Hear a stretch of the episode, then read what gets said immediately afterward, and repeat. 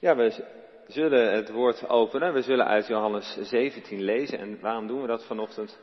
Dat is omdat Jezus in deze passage voor zijn lijden staat. Voor het grootste offer wat hij in zijn leven gaat brengen. Het grote gevaar en de grote angst in de ogen kijkt en dan met zijn vader gaat praten. We worden door hem meegenomen in een gebed wat hij met de vader heeft, de vader met de zoon. Voor het lijden, voor de angst toch God vindt en een boodschap van hoop brengt. En ik denk juist nu, nu we weer een nieuwe variant hebben, nu de vraag is of we op vakantie kunnen gaan, nu we ook weer economen hebben die zeggen dat dit de stilte voor de storm is, is het zo ontzettend belangrijk dat wij als kerk op de laatste benen waar we vaak op lopen met alle restricties die we al hebben gehad, niet nog meer naar binnen keren, nog meer als hoofd laten hangen, maar hoop hebben en een wereld die hoop juist nu nodig heeft. En ik geloof dat deze tekst ons daar iets bij kan helpen. Er staat ontzettend veel in deze passage. Maar ik leg vooral de nadruk op eenheid. Het woord eenheid wat Jezus maar blijft herhalen. Eenheid met de Vader, Zoon en Geest. En eenheid met elkaar als christenen. één in de liefde van Christus. Laten we samen luisteren naar Johannes 17, vers 9 tot en met 23 waarin Jezus Christus dat gebed van eenheid in liefde met Hem bidt. En uh, toen kwam er niemand naar voren lopen. Of toch wel? Ja, dit is het moment. Of doe je dit gewoon nu? Kijk. Het komt, komt helemaal goed. Nou, vanaf vers 9, hoofdstuk 17. Ik bid voor hen. Ik bid niet voor de wereld, maar voor de mensen die u mij gegeven hebt, zodat zij van u zijn. Alles wat van mij is, is van u. En alles wat van u is, is van mij. En omdat in hen mijn grootheid zichtbaar geworden is. Ik ben al niet meer in de wereld. Ik ga naar u toe. Maar zij blijven wel in de wereld. Heilige Vader, bewaar hen door uw naam, de naam die u, die u ook aan mij gegeven hebt, zodat zij één zijn zoals wij één zijn. Zolang ik bij hen was, heb ik hen door uw naam, die u mij gegeven hebt, bewaard en over hen gewaakt. Geen van hen is verloren gegaan, behalve hij die verloren moest gaan, opdat de schrift in vervulling ging. Nu kom ik naar u toe, en ik zeg dit terwijl ik nog in de wereld ben, opdat zij vervuld worden van mijn vreugde. Ik heb hen, hen uw woord gegeven de wereld haat hen, omdat ze niet bij de wereld horen, zoals ook ik niet bij de wereld hoor. Ik vraag niet of u hen uit de wereld weg wilt nemen, maar of u hen wilt beschermen tegen de duivel. Ze horen niet bij de wereld, zoals ik niet bij de wereld hoor. Heilig hen dan door de waarheid. Uw woord is de waarheid. Ik zend hen naar de wereld, zoals u mij naar de wereld hebt gezonden. Ik heb mij geheiligd omwille van hen zo zullen ook zijzelf door de wereld geheiligd zijn. Ik bid niet alleen voor hen, maar voor alle die door hun verkondiging in mij geloven. Laat hen alle één zijn, Vader, zoals u in mij bent en ik in u. Laat hen zo ook in ons zijn, opdat de wereld gelooft dat u mij hebt gezonden. Ik heb hen laten delen in de grootheid die u mij gegeven hebt, opdat zij één zijn zoals wij. Ik in hen en u in mij. Dan zullen zij volkomen één zijn en zal de wereld begrijpen dat u mij hebt gezonden en dat u hen lief had, zoals u mij lief had. Dit is het woord van God. Dat uh, heb je knap gedaan. Een moeilijke passage. En uh, als we de Bijbel lezen, dan moeten we soms ook eerlijk zijn dat de Bijbel een ontzettend moeilijk boek is. Dat er ontzettend veel in staat. En daarom uh, heb ik er nu voor gekozen om één element uit te lichten. En dat is het element van eenheid eenheid in de liefde van Christus. En ik zei al, we hunkeren naar vakantie. We lopen soms op onze laatste benen, ook als kerk. Weten we soms niet waar we nog de energie vandaan moeten halen om ook nog naar buiten gericht te zijn, omdat er zoveel regels zijn en restricties waar we ons aan moeten houden. En Jezus geeft, denk ik, drie, drie principes. Drie principes voor de eenheid die wij als kerk met Hem kunnen ervaren. En de eerste is dat als wij één willen zijn met Jezus Christus, als wij één in zijn liefde willen zijn met Hem, dat het noodzakelijk is, dat het noodzakelijk is dat wij dan ook zijn liefde echt ervaren. of je nou heel rationeel bent, heel in je hoofd leeft of heel intuïtief en heel veel met gevoel hebt, het maakt niet uit als je door moeilijke tijden heen gaat, wil ieder mens, hoe rationeel of intuïtief ook, weten dat wat zij zeg maar theoretisch over God weten ook functioneel wordt. Dat je formele theologie ook een functionele theologie wordt. Dat je het gaat ervaren dat God er ook echt is. als wij hier lezen dat Gods naam een, veilige toren is, dat wij beschermd zijn in zijn naam, dan haalt Jezus in dit gebed een beeld aan uit het Oude Testament, uit de psalmen. En dan beschrijft hij God dus als als die, die vader, als die, die beschermer, als die rots waar je in geborgen bent, die jou beschermt, die voor jou vecht en die voor jou strijdt. En Jezus zegt ook in dit gebed dat met dat wij Hem horen bidden, dat dat een reden tot vreugde zou moeten zijn. Dat het ons zou moeten verblijden dat als we dit boek van zeg maar 2000 jaar geleden lezen, het niet alleen zo is dat iemand dat 2000 jaar geleden zei, maar dat dat binnenin ons resoneert dat dat vreugde teweeg brengt. In je denken, in je lijf, maar dat het je raakt. Nou, als het zo is dat God persoonlijk van ons houdt, waarom is dat dan? Is dat omdat wij heel bijzonder zijn? Is dat omdat wij een soort van goddelijke vonken in onszelf hebben en dat we daarom eigenlijk aan Hem gelijk zijn? Of is dat helemaal aan de andere kant van het spectrum is het zo dat God heel erg om ons geeft, omdat wij zielig zijn, omdat wij zondige mensen zijn. Nou, om te beginnen houdt God van ons mensen, omdat God in zichzelf relatie is. God is Vader, Zoon en Heilige Geest. God is in zichzelf relatie en daarom, omdat Hij relatie is, wil Hij relatie met ons. Houdt Hij van ons. Dat is eigenlijk al heel erg moeilijk om te begrijpen in het christelijk geloof. En wat nog moeilijker is om te begrijpen, is dat God vervolgens zijn liefde aan ons laat zien door aan een kruis te sterven. Dat is zo ontzettend moeilijk om te begrijpen dat we er zelfs een heel feest aan hebben gewijd. Pasen, dat voelden we heel lang geleden. Maar Pasen laat de ultieme liefde van, van God, van Christus, op deze manier aan ons zien. Namelijk dat Hij sterft voor alle lelijkheid, alle kanten in ons die we verbloemen, die we vergoelijken, waar als onze partner er ons op wijst dat we het alsnog ontkennen. Als je beste vriend het tegen je zegt dat je het alsnog niet wil aannemen, voor die kant sterft Jezus. Maar de liefde van Jezus is ook zichtbaar als Jezus voor alle mooie kanten in ons sterft. Als Jezus sterft voor onze kracht. Als Jezus sterft voor onze successen. Omdat Jezus de schoonheid daarvan aanwijst. En tegelijkertijd zegt, ik verlos jou als ik voor jou, voor jou sterf. Ik verlos jou vervolgens van de ikkigheid daarin van die obsessie om zelf naam te willen maken, zelf succes te willen hebben, zelf ten koste van anderen al die kracht en die schoonheid die God in jou gelegd heeft te gebruiken. Dus Jezus laat ultiem zijn liefde zien als hij voor ons sterft, als hij voor ons opstaat, omdat God in zichzelf liefde is. God in zichzelf Vader, Zoon en Heilige Geest relatie is. En als ik dat zo hier heel enthousiast aan het vertellen ben, dan is dus mijn eerste vraag aan jou vanochtend, ken jij de liefde van God persoonlijk? Weet jij dat God van je houdt? En dan heb ik het niet over ieder moment fluitend door het leven gaan, boven natuurlijke ervaringen hebben. En dat kan wel allemaal, hè? Maar weet jij dat God, ken jij de liefde van God? Een heel belangrijke vraag die, ja, bijna, ja, die gewoon nog heel erg dichtbij komt als je dit leest. Omdat dat is wat Jezus ervaart als hij met zijn vader aan het praten is in dit gebed.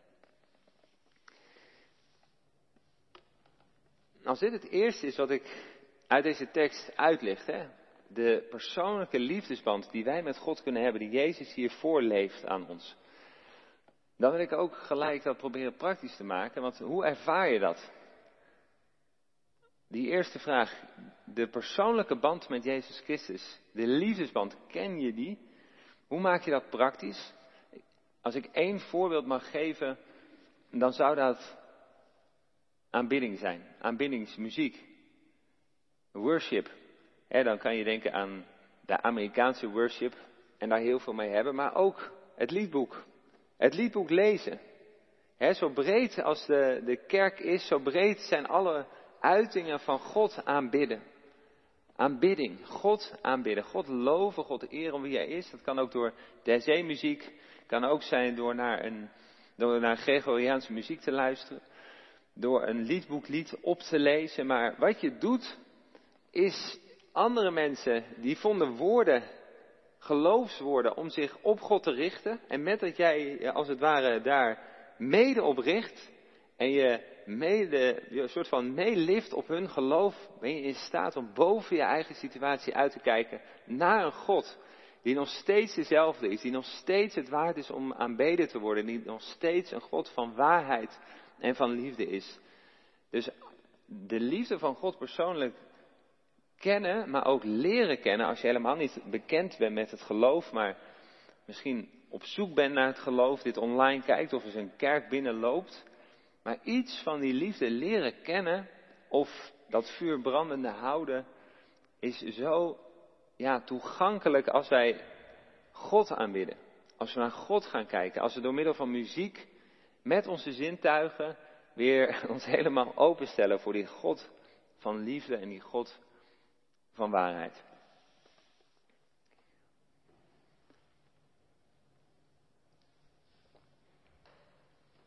Als dat het eerste is, het persoonlijk kennen van Jezus Christus, het persoonlijk kennen van God. Als dat op de een of andere manier ons wezen heeft beroerd, dan zie ik vervolgens een tweede stap. Namelijk dat als wij dat kennen, dat dat als in staat stelt om elkaar lief te hebben, hier in de kerk. Hier in de kerk elkaar lief te hebben. Dat hoeft niet uit onze tenen te komen, maar dat kan van boven, uit de hemel komen. We het net.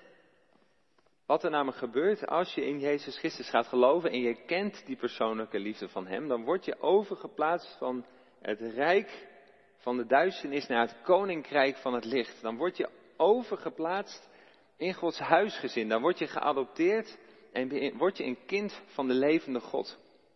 En zoals God in zichzelf een relatie is, vader, zoon en, en een heilige geest, zo word je dus ook in een soort van familierelatie geplaatst in de kerk. Dat is de gedachtesprong die ik nu maak. Hè? Als we onze liefde kennen in God, dan worden wij in zijn familie opgenomen. Dan worden wij deel van Gods huisgezin, omdat God in zichzelf, als het ware, familie is, een relatie is.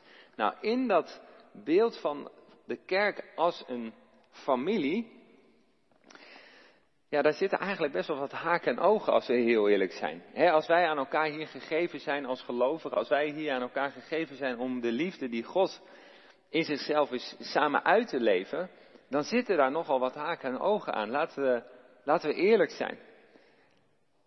Als wij samen een familie zijn, hoe vieren we familie samen als we echte blanke Nederlanders zijn? Dan, dan hebben we een verjaardag samen en dan gaan we met elkaar in een kring zitten. Dat is wel wel een beetje stereotyp, precies hoe blanke Nederlanders hun verjaardag vieren, toch? Nou, als je die kring voor je ziet, en hopelijk mogen we dat blijven doen, en nog veel meer doen, en als je dan in die kring zit, dan werkt dat zo, dat we vaak bij de mensen in die kring gaan zitten waar we wat mee hebben, waar we makkelijk mee praten, waar we eindeloos mee kunnen praten. Misschien niet eens echt de diepte raken, maar waar we een klik mee hebben. En misschien wel ook de diepte in kunnen gaan. Maar als we heel eerlijk zijn, is er ook die andere kant van de kring, als het ware. Daar praten we niet mee. Daar hebben we misschien ook wel een oordeel over, omdat we denken, die heb ik al zo vaak horen praten. Of die is zo en zo. Daar praten we niet mee. Dat gaat heel onbewust, maar we doen het allemaal. En zo doen we dat ook hier in de kerk. Dat hoeven we niet te ontkennen. We zijn hier gewoon mensen. En met de een heb je wel wat en de ander niet. We hoeven niet met iedereen bevriend te raken, beste vrienden. Maar we kunnen elkaar ook ontzettend veel pijn doen in de kerk. Juist omdat we broeders en zusters van elkaar zijn. Juist omdat we in dezelfde God geloven, denk je, hoe kan je dit zeggen? Hoe kan je dit doen? En dan moet je ook nog iedere zondag bij elkaar in de kerkbank zitten. En dan, dan zegt Jezus dus, ja, gebruikt hij dit, dit onmogelijke beeld van een kerk die een, een huisgezin is, die een familie is, omdat God dat zelf is.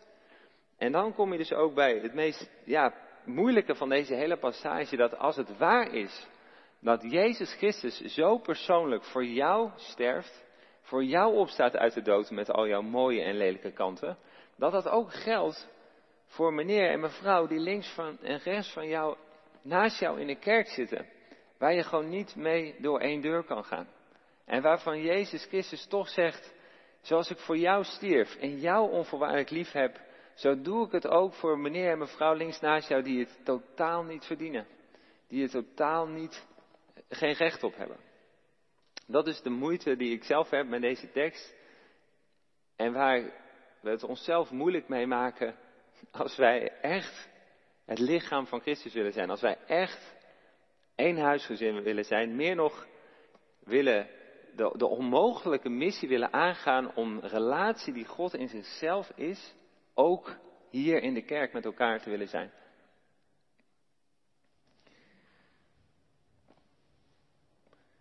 Nou, ik problematiseer dat nu.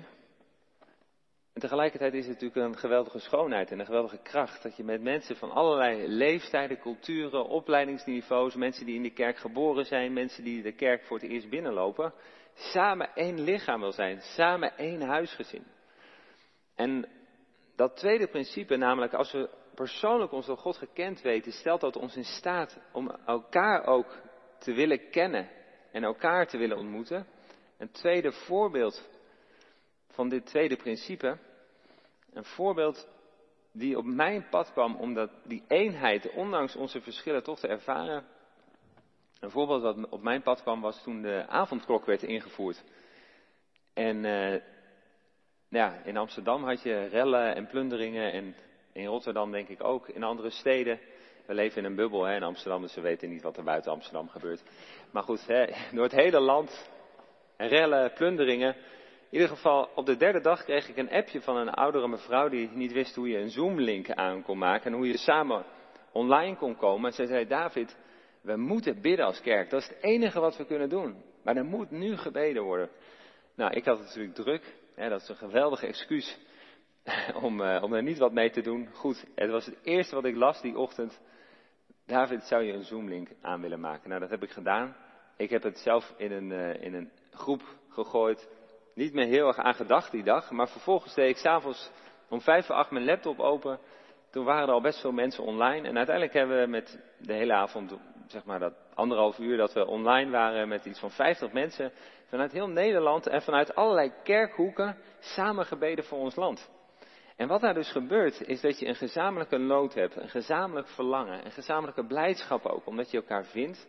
En tegelijkertijd hoor je mensen bidden op een manier dat je denkt, zou ik dat op zo'n manier zeggen? Of, oh wat hard, of waarom zegt zij helemaal niks? Of is dat wel theologisch correct?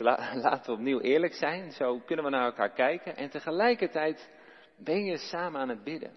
En zijn die mensen die misschien het op zo'n manier doen of die in stilte bidden, allemaal daar met het verlangen om God te zoeken. Om boven die verschillen uit en boven de omstandigheden uit naar die God te kijken die hetzelfde is en die het waard is om gedankt te worden en aanbeden te worden en gebeden te worden.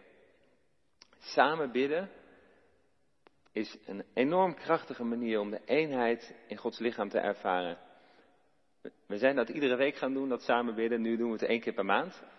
En haken daar dus mensen aan met ja, allerlei gebedsgewoonten. En ook de mensen die geen woord bidden en daar gewoon willen zijn omdat er gebeden wordt. Iedereen is daar om God te ontmoeten. Dat is mijn tweede toepassing.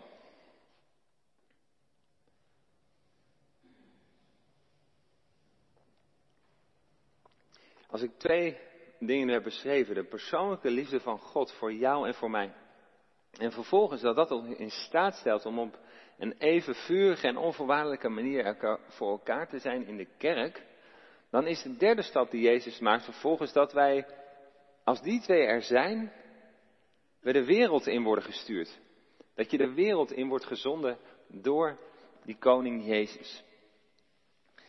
En Jezus die beschrijft in dit gebed hoe hij in die wereld ontvangen werd.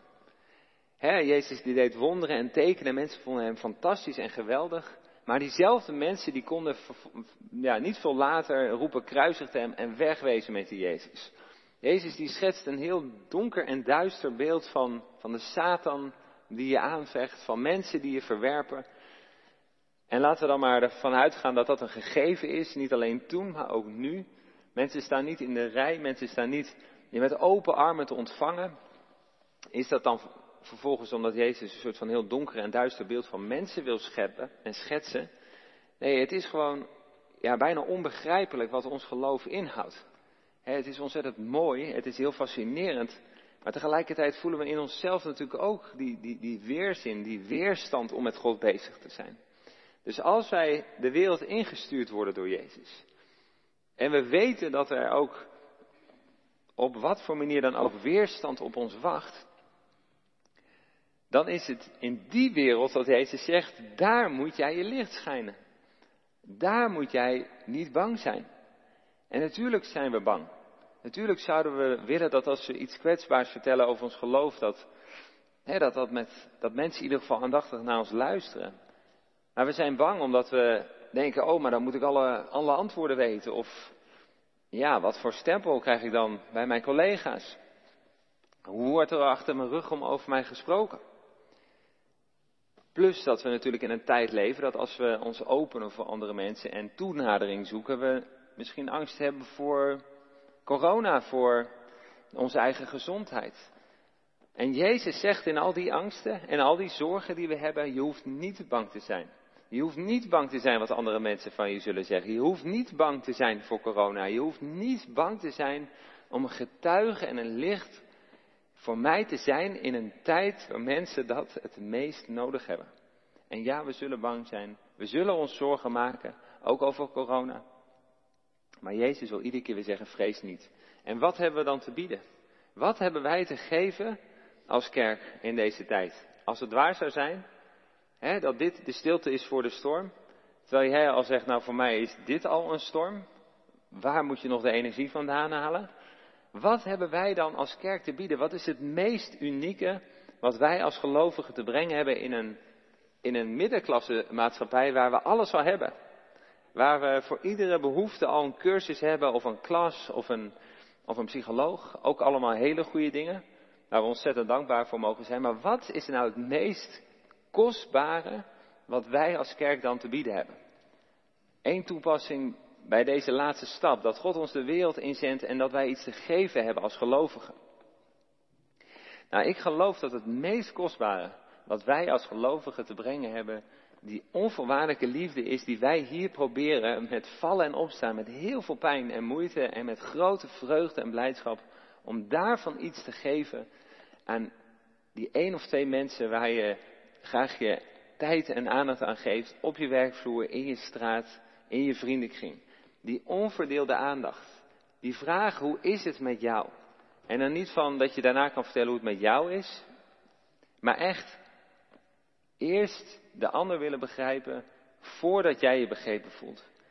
Echt met de ander meeleven. De onderlinge betrokkenheid is zoiets kostbaars en zoiets krachtigs. En daar trainen we onszelf zozeer in hier in de kerk.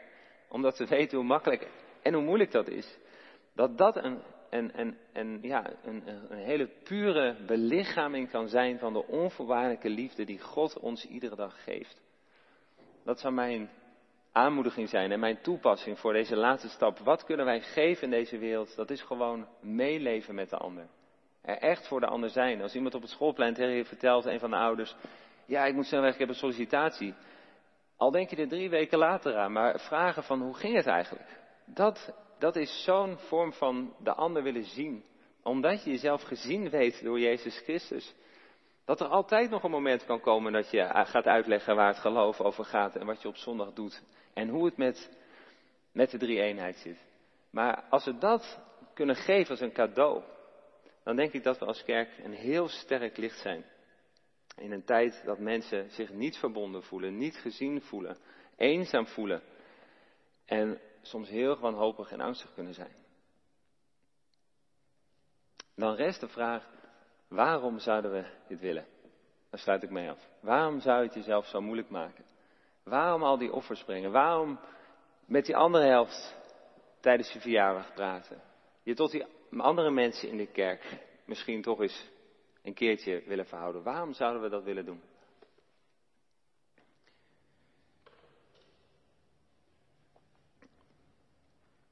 Jezus zegt het heel erg krachtig in dit gebed. Hij is aan het bidden met de Vader. En hij zegt, Vader, kijk wat wij hier hebben. Vader en zoon, kijk wat wij hier samen hebben. En Vader, kijk wat wij hier samen hebben. Ik met de gelovigen. Dat is toch het meest krachtige bewijs, Vader, dat ik door u gezonden ben. Dat het waar is, Vader, Zoon en Geest. Dat het waar is, een huisgezin. Het, het meest krachtige uithangbord wat wij voor het geloof kunnen zijn, is die onderlinge liefdesband. Hier met elkaar. En, en in de binnenkamer met God. Het meest krachtige bewijs dat God een God van liefde is. Dat wat wij hier geloven, met vallen en opstaan, met heel veel twijfel, met heel veel fouten, dat, dat, dat die God een waarachtig God is. Dat die God leeft. Dat is het meest krachtige wat wij aan deze wereld te bieden hebben. Die innige band met God, Vader, Zoon en Geest. En met vallen en opstaan. Ook met elkaar. Amen.